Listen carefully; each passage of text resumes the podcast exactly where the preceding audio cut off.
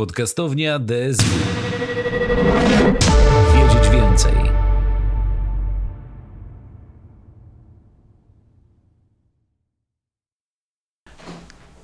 Dzień dobry, witam Was serdecznie w kolejnej części podcastowni Dolnośląskiej Szkoły Wyższej. Moi drodzy, dzisiaj porozmawiamy sobie o takim temacie, który rozpala naszą wyobraźnię od kilku miesięcy, ale z drugiej strony pojawiają się też głosy e, wątpiące, głosy pewnej przestrogi nakłaniające do e, refleksji, mówiące, że może jednak postęp technologiczny nie powinien iść w tym kierunku. Spodziewam się, że już teraz się domyślacie, o czym mowa. Oczywiście chodzi o pracę nad, nad sztuczną inteligencją. E, dzisiaj powiemy sobie trochę o tym. E, postaramy się e, popatrzeć na zjawisko z takiego szerokiego punktu widzenia. Ja oczywiście nie, nie powiem Wam jednoznacznie, że AI jest super i idźmy w tym kierunku. Tak samo jak jednoznacznie nie powiem Wam, że AI to zło, zaprzestańmy prac nad nią i wróćmy do, do tego czasu sprzed, sprzed rozpoczęcia pracy albo cofnijmy się o rok. chociażby. Nie, ale postaram się e, dzisiaj przedstawić Wam e, różne punkty widzenia. Zacznijmy jednak od tego, co jest e, najbardziej frapujące, czyli przede wszystkim obawy, które z tym mamy. Pierwsze pojawienie się Midjourney czy innych generatorów sztucznych grafik grafik generowanych przez, przez sztuczną inteligencję spowodowało bardzo ożywione dyskusje dotyczące tego, czy, gra, czy sztuczna inteligencja może zastąpić e, grafików. E, cóż, prawda jest taka, że jak w każdej obawie jest trochę, trochę ziarenko prawdy. Oczywiście na, pewnym, na pewnych etapach i w pewnego rodzaju pracach E, jak najbardziej. To znaczy, o jakie prace chodzi? E, chodzi o pracę grafików 2D e, w momencie, w którym tak naprawdę nie chodzi o prace koncepcyjne, ale chodzi o randomowe grafiki, na przykład ilustracyjne, dekoracyjne, okładki książek. Tutaj jak najbardziej, ale nie jest to, nie wygląda to w taki sposób, że jest to zastępstwo jeden do jednego, to znaczy że sztuczna inteligencja całościowo zastąpi grafika. Nie, no bo tu chodzi o to, że trzeba jeszcze umieć oczywiście odpowiednio, e, odpowiednio to skalibrować, e, wpisać odpowiedni algorytm i z tym popracować. E, w chwili, kiedy nagrywam te słowa, e, mamy już dostępno, mamy już informację, że sztuczna inteligencja jest w stanie zrobić pierwsze komiksy. I, I, też jak najbardziej są one spójne, jeśli chodzi o logikę działań, e, fabułę, e, jeśli chodzi o jakąś spójność kompozy spójną kompozycję kadrów. To jest, nie ukrywam, duża informacja, dlatego że mówimy tutaj jednak o, o wejściu sztucznej inteligencji w te wszystkie branże kulturowe.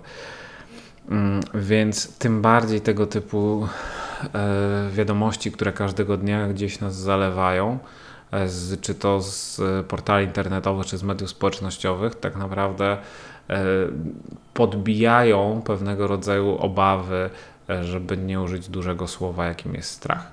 E, oczywiście w wypadku, w wypadku grafik, które mają nam do czegoś służyć, czyli grafiki koncepcyjne, na bazie których musimy potem zrobić na przykład model 3D bądź, bądź scenę w grze, bądź scenę w filmie.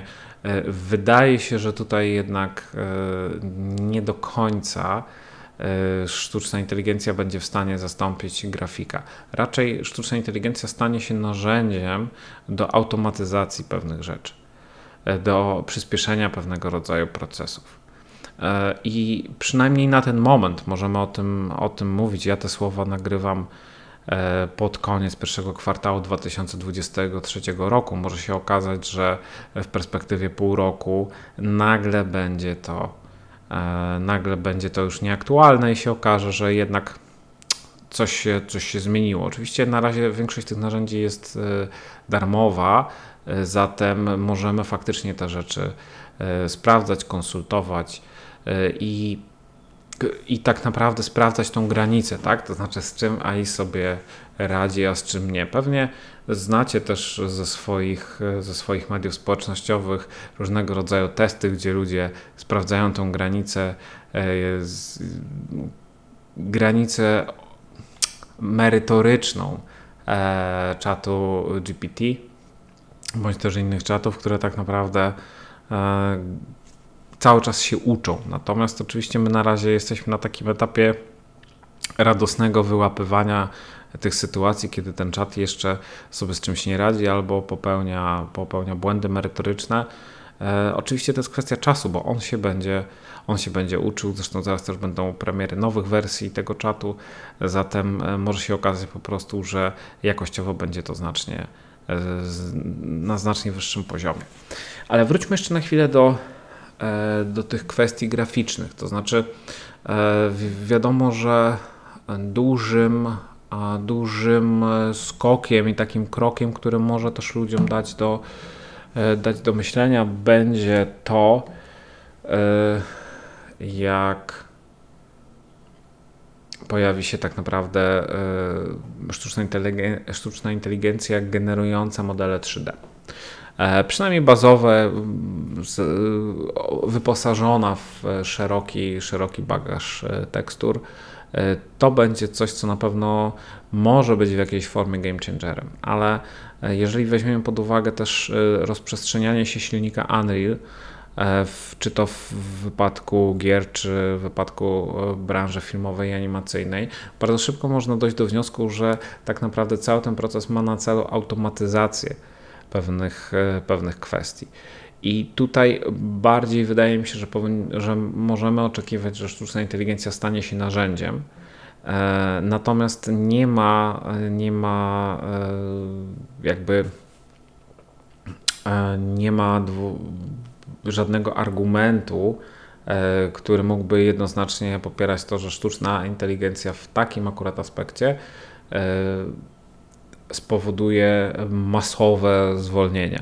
Nie, bardziej, bardziej zmieni się struktura rynku pracy i my te, w wypadku chociażby e, gamingu, my pewnego rodzaju zmiany, które w tym kierunku, które wskazywały na ten kierunek, e, obserwujemy od kilku lat. I to są zmiany na przykład związane z tak zwanym, z pojawieniem się całej gamy profesji tak zwanego technikala, to znaczy technical artist, technical writer, technical designer, czyli tak naprawdę osoby, która jest w stanie zrobić wszystko to, co normalnie robi artysta, grafik, writer, e, designer, ale w silniku e, w formie szybkiego, zautomatyzowanego prototypu jest w stanie to ustawiać. Mówiąc wprost, tutaj liczy się obsługa software'u i ta zmiana jest, była związana i z kwestią kosztową, i z kwestią automatyzacyjną.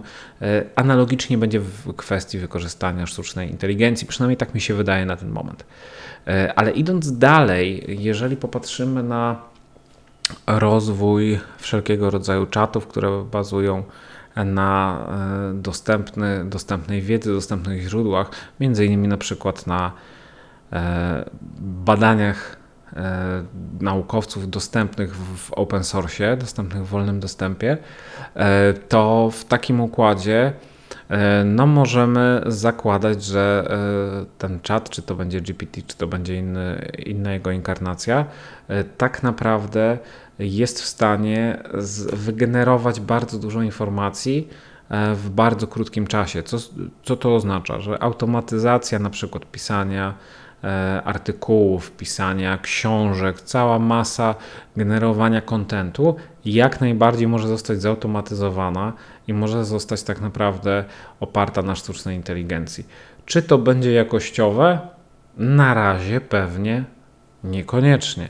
I ktoś będzie musiał to obsługiwać, ktoś będzie musiał to korygować. Natomiast yy, nie zdziwię się, jeżeli i takie już pogłoski się pojawiają, że yy, rynek wydawniczy walczy z tym, żeby nie zostać zalanym przez powieści, przez yy, powieści napisane przez sztuczną inteligencję. Oczywiście spodziewam się, że to się prędzej czy później zadzieje z uwagi na fakt, że jest to po prostu będzie to po prostu tańsze, jeśli chodzi o prawa autorskie.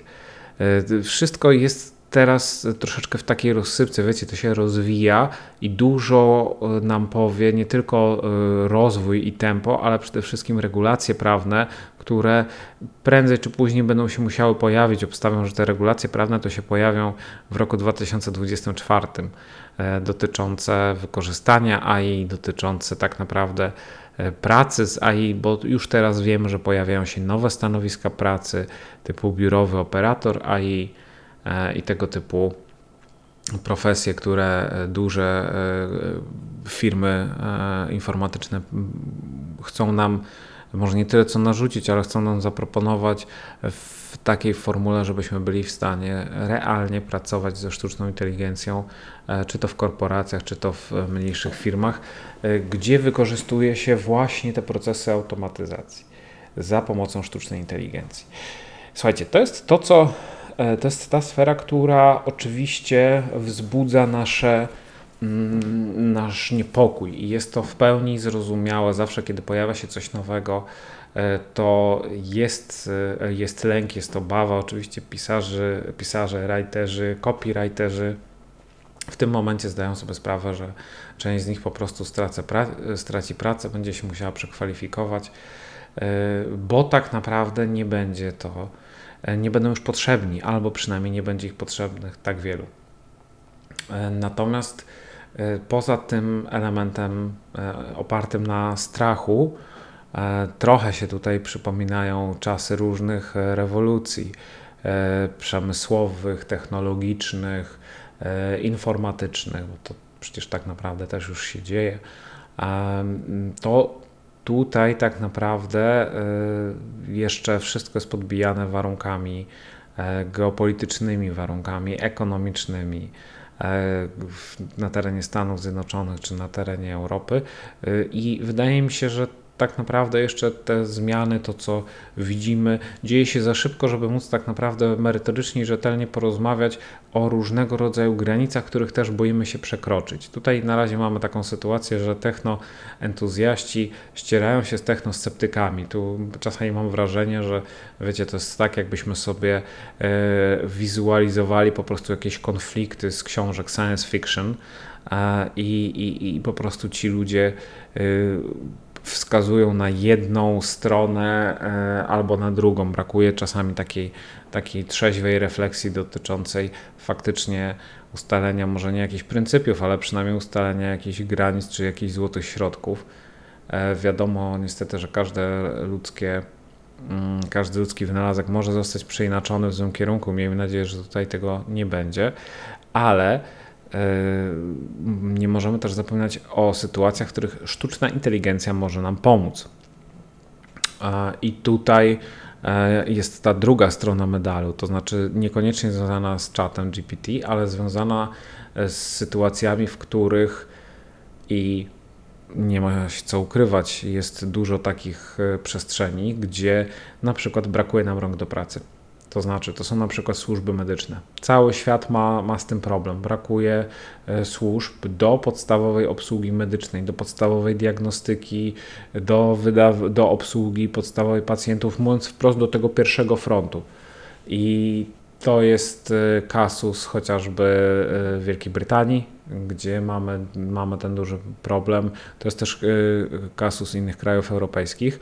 W tym momencie w takiej obsłudze medycznej E, sztuczna inteligencja jak najbardziej może pomóc z uwagi na analizowanie danych, na analizowanie objawów. Jest też w stanie tak naprawdę e, zautomatyzować takie kwestie jak chociażby wystawianie recept e, i tego typu obsługę medyczną na poziomie podstawowym. Nie mówimy o obsłudze specjalistycznej bądź obsłudze diagnostycznej. To nie ten, to nie ten moment. Oczywiście sztuczna inteligencja w formie E, budowa- w formie budowania asystentów AI jest też w stanie bardzo mocno usprawnić pracę e, i muszę Wam powiedzieć, że sam się też nad tym, nad tym często zastanawiam, to znaczy e, rola asystentów biurowych, takich powiedzmy sekretarek, sekretarzy jest nam jest nam niejako potrzebna. To znaczy, pracujemy w takich warunkach, w których jest coraz więcej obowiązków, coraz więcej rzeczy do ogarnięcia. Prawda jest taka, że e, od dłuższego czasu korzystamy z różnych form organizacji e, czasu, planerów, organizerów, aplikacji wspierających nie dotyczy to tylko firm, przedsiębiorstw, ale także naszego codziennego życia, gdzie po prostu natłok obowiązków, ilość różnych zobowiązań, a także dociskająca nas sytuacja ekonomiczna powodują, że bierzemy na siebie jeszcze więcej. I w takiej sytuacji e, zdecydowanie sztuczna inteligencja jako właśnie taki, taka pomoc w organizacji, pomoc w radzeniu sobie z organizacją czasu, z pamiętaniem o pewnych kwestiach, łączenie pewnych rzeczy może jak najbardziej być elementem pomocnym. Oczywiście część z Was tutaj od razu pewnie e, pomyślała sobie też o tak zwanym e, Artificial Intelligence Friend, czyli tak naprawdę różnego rodzaju a, hmm, wirtualnych przyjaciołach, wirtualnych asystentach, którzy tak naprawdę rozmawiają e, z nami, mają swój awatar, w różnych aplikacjach coś takiego się pojawia. E, jest to trend wbrew pozorom wcale nie taki nowy, e, ale na pewno nowy, jeśli chodzi o efekt, który, który już mamy. I i efekt to znaczy ilość aplikacji, która się pojawia. Jest tego bardzo dużo. Pamiętajmy oczywiście, że to są, e, że to są takie oprogramowania, które mają za zadanie nam nam pomóc. E, I bardzo często e, tutaj nie chciałbym podawać konkretnych nazw, ale może powinienem, jak chociażby e, aplikacja o nazwie Replika, gdzie tak naprawdę w tej podstawowej warstwie możecie chociażby w chwilach ataku paniki skorzystać z pomocy tej aplikacji, która pomoże Wam chociażby ustabilizować Wasz oddech, nauczy Was pewnych rzeczy. To są, czyli powiedzmy ta podstawowa pomoc doraźna, jeśli chodzi o kwestie psychologiczne, jeśli chodzi o kwestie okołozdrowotne, również może, e, może tutaj spowodować, że sztuczna inteligencja będzie, będzie nam potrzebna. Nie oszukujmy się, ale w e, dobie cybersamotności i w ogóle coraz częstszej samotności, o której mówią coraz głośniej czy to osoby młode, czy też osoby znane. E, asystenci Artificial Intelligence, Artificial Intelligence Friends tak naprawdę też mogą być e, też mogą być czymś pomocnym. Oczywiście tu nie chodzi o spełnianie wizji, czy to z e, Detroit Became Human Davida Cage'a, czy to z różnych innych tworów science fiction. To bardziej chodzi po prostu o to, że musimy e, zdać sobie sprawę z tego, w jakiej rzeczywistości żyjemy, w którym kierunku zmierzamy i tutaj e, zdiagnozować te elementy, w których realnie potrzebujemy wsparcia. Sztuczna inteligencja wiemy już na przykład, że jest, że jest w stanie zautomatyzować na pewne rzeczy. Wiemy, że niektóre E, że za pomocą rozwiązań robotycznych jesteśmy w stanie niektóre operacje chirurgiczne wykonać lepiej, ponieważ no, robotowi ręka nie zadrży. Tak? Z pewnością są takie sytuacje, w których sztuczna inteligencja też jest w stanie e, na przykład przy zarządzaniu e, bazować na bardziej realnych przesłankach i być może sobie, sobie z tym poradzić w jakiejś skali mikro lepiej, aniżeli by to zrobił człowiek. E, czy w skali makro, czyli w skali całego procesu, na przykład e, realizacji projektu, sztuczna inteligencja zarządzająca firmą zrobiłaby to lepiej.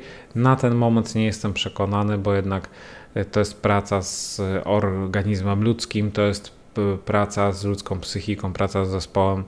Wiadomo, że to nie chodzi tylko o realizację zlecenia, o skończenie produktu, ale takie sytuacje, takie eksperymenty być może już się dzieją, być może, być może będą, gdzie po prostu sztuczna inteligencja będzie zarządzać firmą i będziemy patrzeć, będziemy obserwować, jak sobie z tym radzi. To są rzeczy, które, które nas czekają. Natomiast, y, moi drodzy, ja byłbym bardzo daleki przed takim e, przed takim e, strachem, potępianiem jednego bądź drugiego rozwiązania w Czambu, bo wydaje mi się, że wszystko rozwija się bardzo szybko. To są technologie służące automatyzacji, wymyślaniu pewnych rzeczy. Oczywiście my już teraz wiemy, że coraz częściej wykorzystuje się awatary, wykorzystuje się, bazując chociażby na technologii MetaHuman, E, wykorzystuje się e, sztuczne twory, sztuczne postaci zamiast faktycznych modeli, modelek.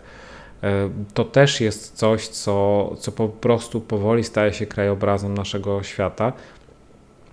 Tak jak powiedziałem, nie jest moim celem opowiadać się po jednej bądź po drugiej stronie, ale chciałem dzisiaj zwrócić Wam uwagę na to szersze spektrum, czyli również na to spektrum, kiedy ta sztuczna inteligencja może, może być pomocna, ale także e, na te momenty, w których ta sztuczna inteligencja faktycznie może Wam pewne rzeczy usprawnić, bo zaręczam, że jeżeli będziecie próbowali samemu coś stworzyć i wydać w kontekście na przykład vanity czy self-publishingu, może być tak, że na przykład grafika, okładka stworzona przez sztuczną inteligencję na odpowiedniej oczywiście licencji, wszystko płacone, żeby było zgodnie z prawem, może Wam tak naprawdę bardzo pomóc, bądź nawet obniżyć koszty.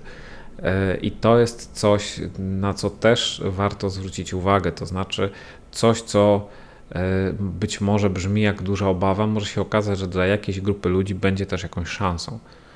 Mam nadzieję, że my takiej technodebaty doczekamy się w e, najbliższym czasie, ale życzyłbym sobie, żeby to była debata ludzi z różnych środowisk, a nie tylko debata e, technosceptyków z technooptymistami, bo tego rodzaju debaty z reguły nie przynoszą niczego konstruktywnego. To jest trochę tak jak cały szereg debat o metaversie, które mieliśmy w perspektywie ostatniego roku, półtorej. Są to z reguły debaty ścierające za i przeciw. Natomiast czy faktycznie jest to taka, jest y, to coś, co pozwala nam na merytoryczną dyskusję, wyciągnięcie merytorycznych wniosków, to już możecie i powinniście ocenić sami. E, moi drodzy, e, przestrzegam przed myśleniem, że przyjdzie AI i nas zje, parafrazując tytuł znanej książki. E, niemniej pamiętajmy też, że ze wszystkiego należy korzystać z umiarem i w sposób inteligentny. To znaczy, e, jeżeli myślicie, że będziecie w stanie prace semestralne bądź prace zaliczeniowe pisać przez sztuczną inteligencję, wierzcie mi, to jest do wykrycia, bądź po prostu wykładowcy na wasi, bądź wasi nauczyciele znajdą inne sposoby egzekwowania wiedzy. To jest tylko kwestia czasu. Uśmiecham się teraz do moich studentów. Trzymajcie się ciepło. Do usłyszenia. Projekt Strefa Podcastów DSW współfinansowany jest ze środków Ministerstwa Edukacji i Nauki w ramach programu Społeczna Odpowiedzialność Nauki na podstawie umowy z dnia 10 grudnia 2021 roku.